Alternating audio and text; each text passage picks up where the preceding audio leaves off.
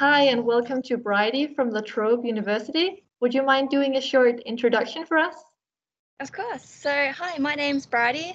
I'm the Senior Coordinator for Study Abroad here at La Trobe University in Melbourne, Australia. We're a ranked top 1.1% of universities in the world, and we offer study abroad programs, gap year, undergraduate degrees, and postgraduate degrees. Perfect, thank you. And what is it that makes La Trobe different from other universities in the area?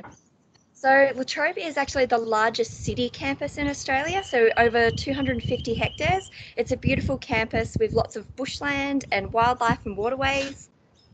We also have our own wildlife sanctuary on campus where students can even volunteer. We also have really fantastic facilities that are available to our students, our Institute of Molecular Sciences, our Agri-Biosciences Research Centre, and we've also just opened a new $150 million sports park redevelopment. Wow, and what would you say are the advantages of studying in a big city as Melbourne? At least that's where one of your campuses are. Yes, so our main campus is based in Melbourne, but we have campuses all throughout the state of Victoria as well.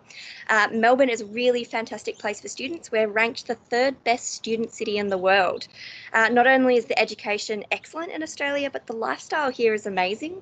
There's always events and festivals on. The city is beautiful and it's really multicultural. The food scene in Melbourne is amazing. We have a Chinatown, a Little Italy, a Greek Quarter, and so much more.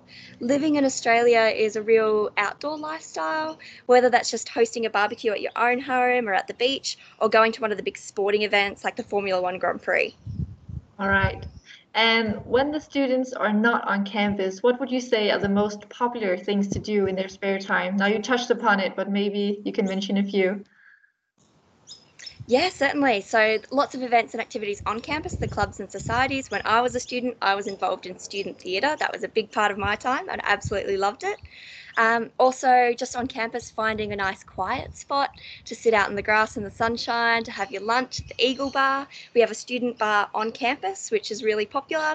Uh, also, going out in the surrounding northern suburbs. So, there's really great live music in that area as well, too. And that's really, really a good big highlight. Perfect.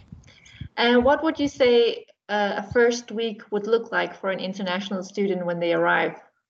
Yeah, first of all, all of our students get a free airport pickup that will bring them straight to campus or anywhere in Melbourne if they're staying off campus. Our students will get to start meet other students straight away on the bus and then they as soon as they arrive they can start exploring the city uh, we also have a pre-orientation weekend trip to the Great Ocean Road. Uh, this is an amazing trip. The Great Ocean Road is a must-see in Australia. The coast is beautiful. Students will get to see the 12 Apostles and it also includes surfing lessons. Uh, this is a really great opportunity to make friends before your classes even start. So then we have our orientation week as well. So this is before the week before classes start. There's lots of events and things happening all over campus food trucks, competitions, chance to meet all the clubs and societies that students can join as well. So if some students are worried about meeting friends, do you have any advice for those students? Yeah, definitely join a club and join up for the orientation trips as well too. You'll meet so many people this way and also just approach people. Australians are incredibly friendly and helpful. We get told this is a highlight by students all the time. Introduce yourself and tell them you're new in town. Everyone at university is also keen to new to meet new people. So you're in the same boat. Sounds good. And regarding the study fields, do you have any that you're most popular for, either courses or study fields? Yes, so our most popular courses for study abroad students are our classes like social media marketing, international business, sports and exercise psychology, Australian literature, Australian fauna and ecology, uh, any subject that has field trips. We have ones that spend a week up in the Alpine region, the Mallee, uh, which is the outback, and one that even goes up to Heron Island and the Great Barrier Reef. Uh, we also have credit internship subjects as well that are really popular. All right. And if you come for a semester or two, would you say it's easy to get the courses that you wish for? Yes, definitely. So some courses may have prerequisites, but but the majority of our subjects don't. So and they're pretty much all of them are available for students for study abroad students too. Good. And can the students expect to study amongst Australians or will it mostly be international students? So yes, so all of our classes are combined with local students as well too. Generally with your subjects you'll have a large lecture and then a smaller tutorial class and they'll have no more than 20 students. So this is a great chance for to get into really deep discussions about your subjects and do group work and this is where you'll meet and make a lot of friends with other students. Perfect. And regarding accommodation, where would you say students most often live and is it something that La Trobe assists them with? Yes, certainly. So we'll help you with your application to apply for uh, camp for on-campus accommodation. So majority of our students stay in Chisholm College. It's our most popular college, but we have five different colleges all with within the campus. There's also off-campus opportunities as well too. So we will help students uh, with things like their rental agreements and things like that. We also have really great databases for finding accommodation and sign-ups with other students to look for shared accommodation.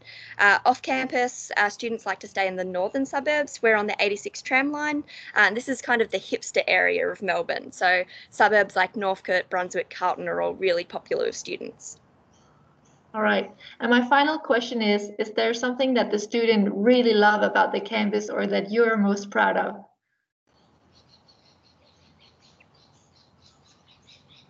Yes, so I've mentioned before just the open spaces at the campus, all the trees and the wildlife. I honestly think it's one of the most beautiful campuses in Australia. Um, students absolutely love it. That's what they always tell us. They they love seeing the ducks on campus and and the kangaroos in the wildlife sanctuary. Awesome. Thank you so much for doing this, Bridie. Hopefully the students will be inspired and come to La Trobe. Perfect. No, no, no problems at all. I'm happy to talk anytime about, about La Trobe and about Australia. Thank you.